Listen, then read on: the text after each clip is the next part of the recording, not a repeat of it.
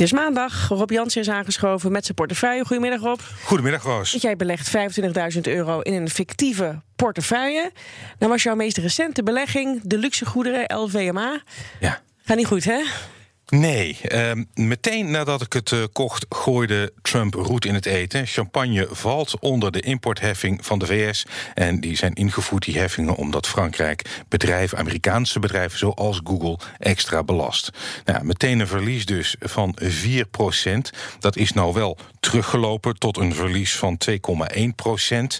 Um, dus een ramp is het niet. Uh, maar het is wel een goed voorbeeld van hoe dit soort nieuws een impact kan hebben op je portefeuille. Dus even afwachten wat die tarieven verder gaan doen voor de omzet van LVMH in de VS. Wat natuurlijk toch wel een belangrijke markt is voor het bedrijf. Kan, ja. uh, kan me niet voorstellen dat het niet zo is. Uh, Niettemin hou ik wel vertrouwen in uh, LVMH. Het is weliswaar een duur aandeel, maar ook heel sterk. Het is het bedrijf op het gebied van luxe goederen met bekende merken. Niet alleen die, die, champagne, maar mm -hmm. ook Dior, Louis En je belegt voor de lange termijn. Ook dat. Dus ja. Uh, daarbij is het devies rustig blijven zitten en afwachten even. Ja. Toch? Ja, voor, ja zeker. Um, ja. Proces dan? Doet ja. het ook niet goed? Nee, doet het ook niet uh, goed. Um, Heeft dat te maken met die overnamestrijd rond Just Eat?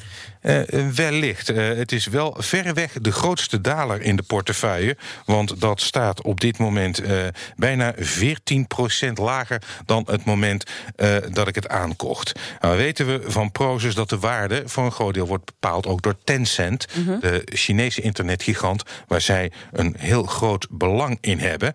Um, maar goed, bij mij is er 14% af. En de koersontwikkeling van Tencent rechtvaardigt die daling niet. Het kan Nee. zijn dat het gewoon ook iets uh, te duur uh, in de markt is gezet toen het naar de beurs ging prozen. Want het is nog niet zo lang uh, genoteerd aan de Amsterdamse beurs. He- heb je, sorry, maar heb je beleggingen die dit een beetje recht trekken weer, deze twee... eh, Oh ja, zeker wel. Minnetjes? Ja, ja. Oh.